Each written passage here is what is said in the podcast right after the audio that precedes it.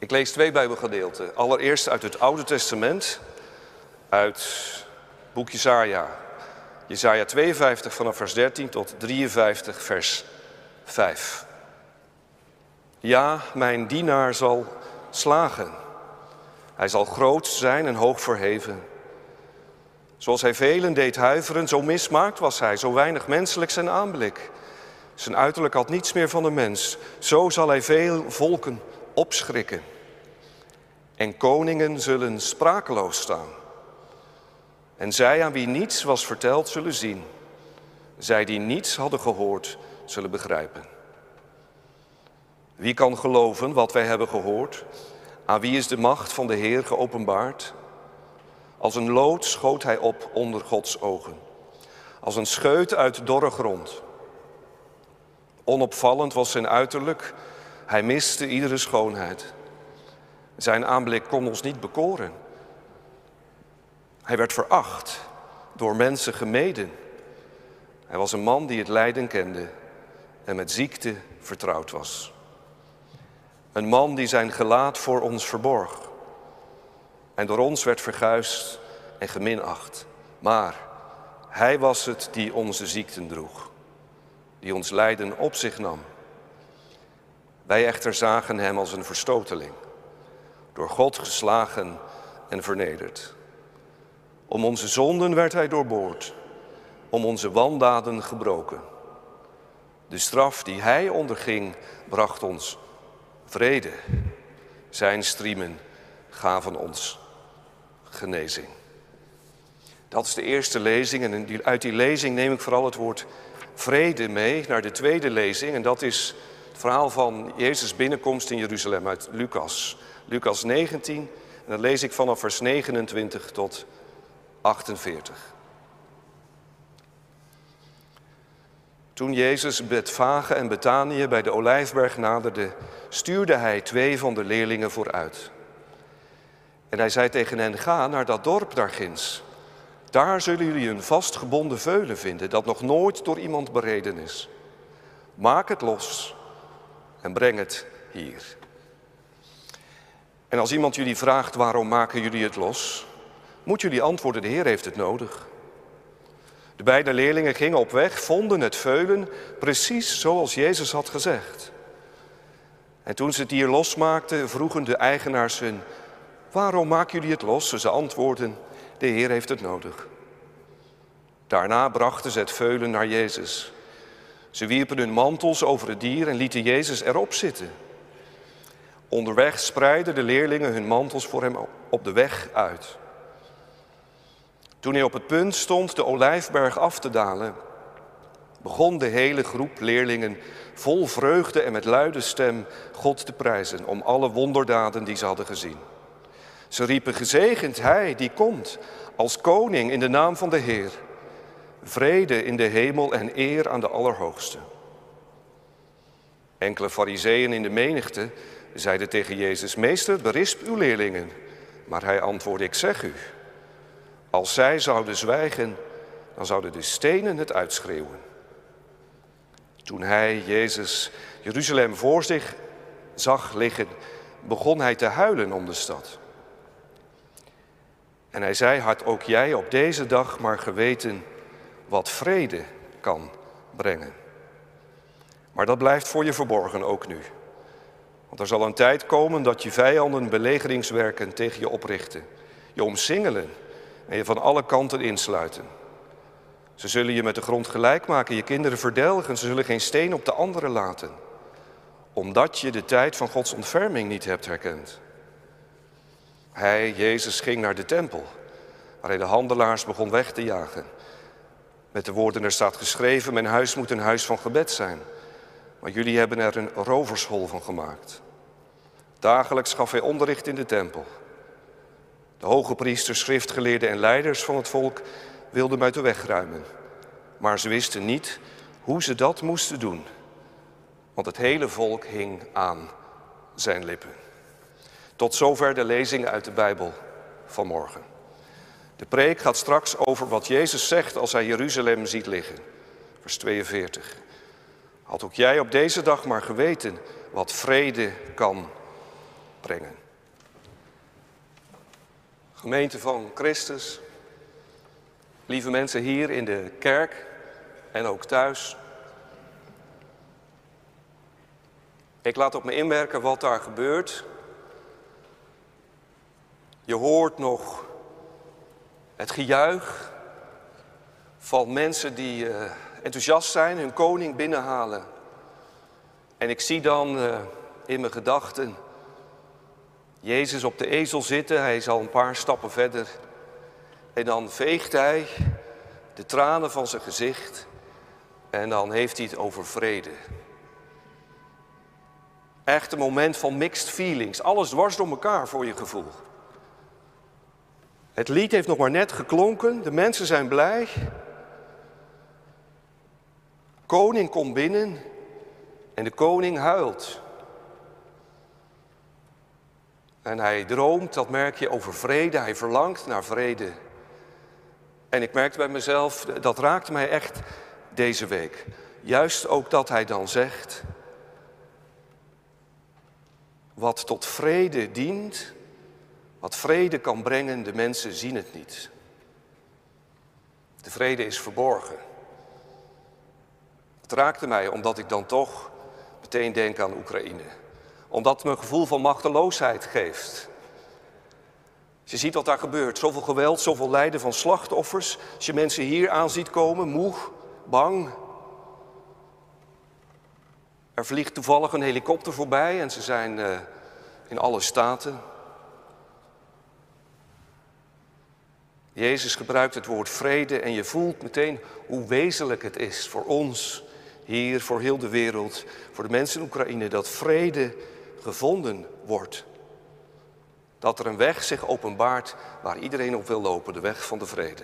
Maar je voelt ook meteen, heb ik dan, hoe ingewikkeld en complex het is voor wereldleiders, maar ook gewoon voor ons, denk ik, in ons eigen leven, om de weg van de vrede te vinden en weer te hervinden. Ik denk dan aan Oekraïne als Jezus verzucht over vrede. Maar voor mijn gevoel raakt hij meer aan dan alleen het wereldnieuws.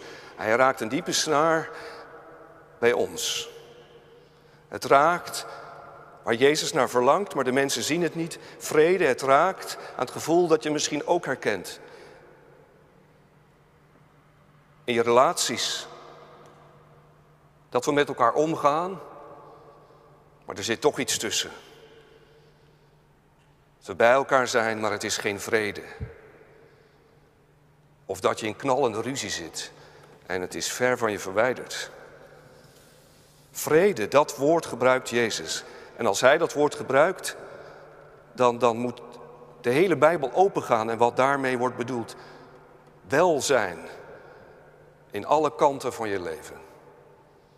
Maar vooral als het in, over vrede gaat in de Bijbel, gaat het over hoe zit het nu in je wezenlijke relaties? Staan daar de lijnen open? Is daar een vuist of een omhelzing? Is er nabijheid of afstand? Is de ander een bedreiging of een verrijking? Vrede is dat je voelt het is goed tussen mij en de ander en tussen mij en God. Vrede is waar God alles voor heeft bedoeld, waar wij met z'n allen gedreven door Hem hoe dan ook naar op weg zijn. Naar het moment dat we niets anders meer kunnen of willen dan genieten van elkaar. Je geniet van de ander, de ander geniet van jou en je geniet van God. En je weet, God geniet van mijn aanwezigheid. Daar duwt God heel de wereld naartoe. En dat boort Jezus aan als hij daar kijkt naar Jeruzalem en hij staat daar en hij huilt. Dus ja, als Jezus dat woord gebruikt, krijg ik mixed feelings. Een gevoel van verlangen naar die vrede in het klein en in de wereld in het groot. Maar ook een gevoel van machteloosheid. Ja, hoe krijgen we dat dan voor elkaar? En ook wel de vraag, welke rol speelt Jezus daar dan in? Ik dacht ook aan vrede nu op de drempel van de stille week. Een week die anders is of mag zijn. En ik dacht bij mezelf, kan dat ook een basiswoord zijn voor de stille week? Maar ik dacht ook bij mezelf, als Jezus benoemt Ik kom, maar de mensen zien het niet. Ik breng vrede, maar het is verborgen. En dan dacht ik ook aan de stille week en ja, ik weet niet hoe je die gaat invullen. Misschien ben je al aan het vasten of misschien zeg je ja, ik ga nu echt tijd maken deze week voor aandacht, voor Jezus en zijn kruisiging. Maar misschien zeg je ook, dat is mij allemaal veel te bekend. Het is me met de paplepel ingegoten. Ik heb het op een rijtje gekregen. Zijn weg. Kruisiging, graf, opstanding. Onbegrijpelijk maar waar. Maar als ik nu een stille week inga, vraag ik me af of dat tot mij door kan dringen. Ik bedoel het gevoel dat je juist kan hebben op weg naar Goede Vrijdag en Pasen, dat het je allemaal wel bekend is, maar toch ontglipt. Omdat je het hebt meegekregen als een systeem. Niet dat systemen fout zijn. Maar je kan het ook zoveel op een rijtje hebben dat je denkt, ik wil het niet op een rijtje hebben. Ik verlang juist naar minder uitleg, meer mysterie. Dat het meer waarde is op een andere manier. Dat het een level dieper bij mij komt. Juist op dat level wat ik voel in het woord vrede. Een diepe laag van rust, van balans, van dicht bij God zijn en bij de ander. Dus als Jezus daar staat en uitkijkt over de stad en hij zegt, ik kom, ik ben binnengehaald als een koning, maar ik huil, want de vrede die ik breng blijft verborgen. Ja, dan denk ik ook aan de stille week, met verlangen. En dan hoop ik, laat het deze stille week anders zijn. Jij kent de verhalen nog steeds, maar laten ze me dan raken op het diepe niveau van de vrede. En ergens heb ik het gevoel, als ik Lucas hoor vertellen, dat de manier waarop hij vertelt dat Jezus binnenkomt, dat hij ook precies hier opschrijft. Ik bedoel dat hij wil laten merken aan zijn lezers, toen en nu, aan ons, dat er altijd een nog diepere laag is bij Jezus, die niet aan de oppervlakte zit. Dat Jezus een weg gaat die raakt aan je diepste verlangens, maar wel op een manier dat hij er echt heel anders mee zal omgaan dan wij hadden gedacht. Ja, het gaat Jezus om vrede, maar niet zoals wij die zouden uitstippelen. Lucas, zoals hij het schrijft, wil tegen ons zeggen: Jezus komt Jeruzalem binnen als een koning. Daar zit iets duidelijks in, maar ook iets verborgens. Zoals het ook met de vrede is die Jezus brengt, niet voor de hand liggend. Ja, het duidelijke van de komst van Jezus, dat zit in de hints die hij geeft. Door op een ezelsveulen te gaan zitten, waardoor de mensen meteen dachten, oh ja, zo kwam altijd een koning aan. De hint die hij daarmee ook geeft, is ik heb vrede lievende intenties. Als je op een paard zou zijn aangekomen, had hij het rijden gebruikt voor de oorlog. Zeg maar het verschil tussen een tank en een duif. Een imposante militaire parade wekt een andere indruk dan iemand die zo uit zijn handen een paar duiven loslaat. Jezus komt heel bewust op deze manier binnen. Hij roept iets wakker bij de mensen, hun verlangen naar een koning. Bijna letterlijk komt hij binnen zoals Zacharia de profeet het opschrijft. Die het heeft over een koning die nederig aankomt op een ezel gezeten. Een koning die vrede zal stichten tussen de volken. Dat roept Jezus allemaal wakker. Het maakt enthousiasme los. Hosanna roepen ze. Jassen op de weg, palmtakken. Dat is het duidelijke. Jezus schudt de mensen wakker en zegt: Ik ben de man van vrede. En als je dan daarna meteen huilt, voel je dat die vrede niet komt zoals zij graag willen en zelfs verborgen blijft. Bij dat dubbele moet ik ook denken aan Jezaja 53, we hebben het gelezen, over de leidende dienaar. Zo'n gedeelte misschien dat je denkt, dat ken ik uit mijn hoofd. Ook daarin gaat het over vrede. Hij brengt vrede, maar niet in de verschijning van een toegejuichte koning. Niet iemand die orde op zaken zet. Niet iemand die Vrede kan afdwingen met geweld of op een andere manier. Nee, het is een geminachte, gebroken, gegezelde man. In hem, zegt Jezaja, zit de vrede en de genezing voor ons allemaal verborgen. Het zit er wel, maar je ziet het niet. Dat wil Lucas volgens mij wel wil Lucas volgens mij zeggen. Niet alleen over Jezus, maar ook rechtstreeks tegen ons. De vrede van God, die komt wel, die zit er wel, maar je ziet het niet.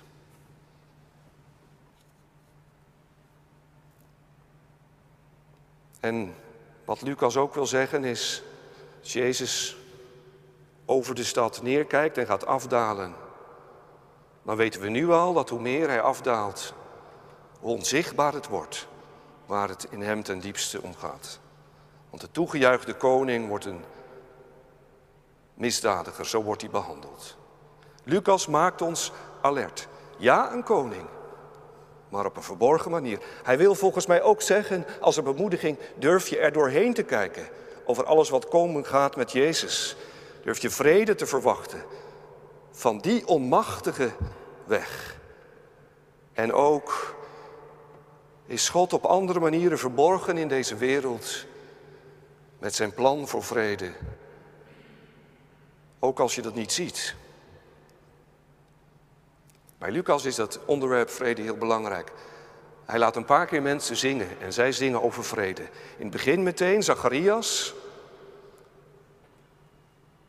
Die hoorde, je krijgt een zoon, hij geloofde het niet, hij moest zwijgen. Maar als hij weer kan praten, zingt hij over mensen die in het donker zitten en licht krijgen en dan hun voeten zetten op de weg van de vrede. Hoofdstuk later, als de engelen zingen en Jezus is geboren, de vredevorst. Vrede op aarde zingen ze. En nu ook weer in het lied van de leerlingen. Vrede in de hemel en eer aan de Allerhoogste zingen ze juichend. Het lied dat Lucas zo laat terugkomen zegt ons, je moet er wel doorheen zien. Vertrouwen ook als het er anders uitziet. Ook als je denkt een baby in de stal, de koning van de wereld, een kleine provincie in het Romeinse Rijk, komt daar de vrede vandaan die de Pax Romana overstijgt? Of van een rabbi op een ezel zonder leger? Het verhaal van Jezus is altijd weer een onverwacht verhaal. Er zit in hem iets verborgen dat verder gaat dan het enthousiasme. Dat wil Lucas ons zeggen op weg naar Pasen deze stille week.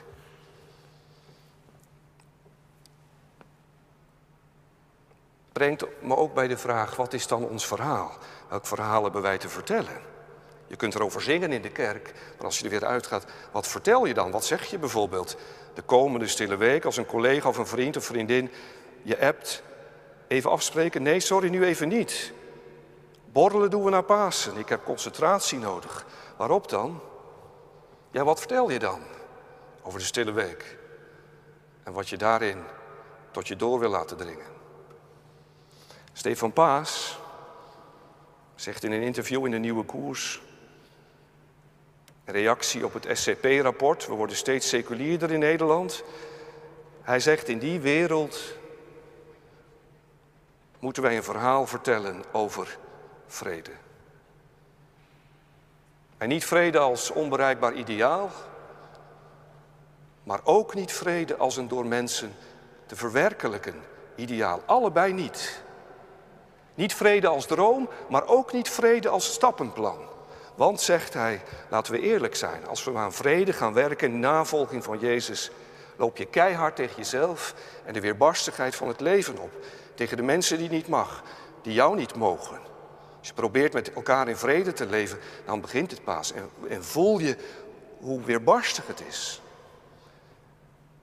En daarom hoor ik hem zeggen, vrede, dat verhaal moeten we vertellen. Daar mogen we het leven. Niet onbereikbaar, maar ook niet zomaar te verwerkelijken. Hoe dan wel? Dan zegt hij, het gaat om transformatie. Met vrede als kern, dat je verandert door je te richten op de vrede van God. En als ik hem dat woord transformatie hoor gebruiken, dan denk ik nog maar even terug aan hoe Lucas erover vertelt, de intocht van Jezus. Als ik het op me in laat werken. En dan denk ik, ja, dat is volgens mij wat Jezus wil, transformatie. Juist in de tegenstelling tussen het Hosanna dat eerst klinkt en zijn huilen daarna, daarin maakt hij iets los. De diepe laag van de vrede, die niet aan de oppervlakte ligt, maar die je moet gaan zoeken om daardoor te veranderen. Vooral, zegt Lucas, vrede, dat komt uit de hemel van God. En wat van God komt, is verborgen. Niet onvindbaar, maar wel verborgen. Moet je zoeken. En dat geeft mij ook vertrouwen. Op weg naar de stille week. Wat van God komt sluit niet aan bij wat ik denk bij vrede meteen, of hoe ik dat graag wil bereiken. Maar het is wel vrede. Het is wel een antwoord op je diepste verlangen. Maar het komt in de gestalte van Jezus zelf. Een ander type vrede. En daarom laat hij zich als koning verwelkomen, maar houdt hij ook niet tegen als hij wordt gekruisigd. In dat dubbele zit het geheim van God dat met vrede te maken heeft. En daar heb je een stille week voor nodig.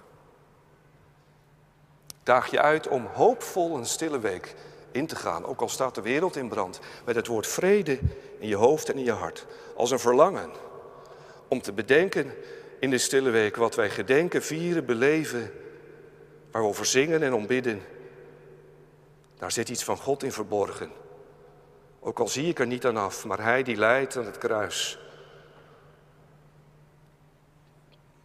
Hij brengt ons op de weg van de vrede. Wel degelijk. Maar ik heb er geen controle over. Ik kan het niet zomaar uitstippelen. Als hij opstaat, is zijn leven het levende bewijs dat die vrede echt is. Laat je daardoor raken in deze stille week, door een verlangen naar vrede. Ook als je zwijgend en zoekend naar woorden de kruisiging van Jezus staat te niet begrijpen. Ook als je aan het niet begrijpen bent, kun je er wel door worden geraakt. En als je het nieuws uit Oekraïne staat niet te begrijpen, hebben we in de vrede die Jezus brengt toch houvast. In Hem heeft zich geopenbaard en zal zich openbaren als we Hem volgen. De kern van onze band met anderen en met God. Dat laat Hij, hoe dan ook, openbreken. Het is de liefde die de eerste stap zet.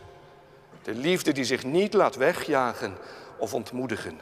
Het is de opofferende liefde, omhelzing die een brug is. Een nieuw begin van vrede. Ja, dat is Jezus. Amen.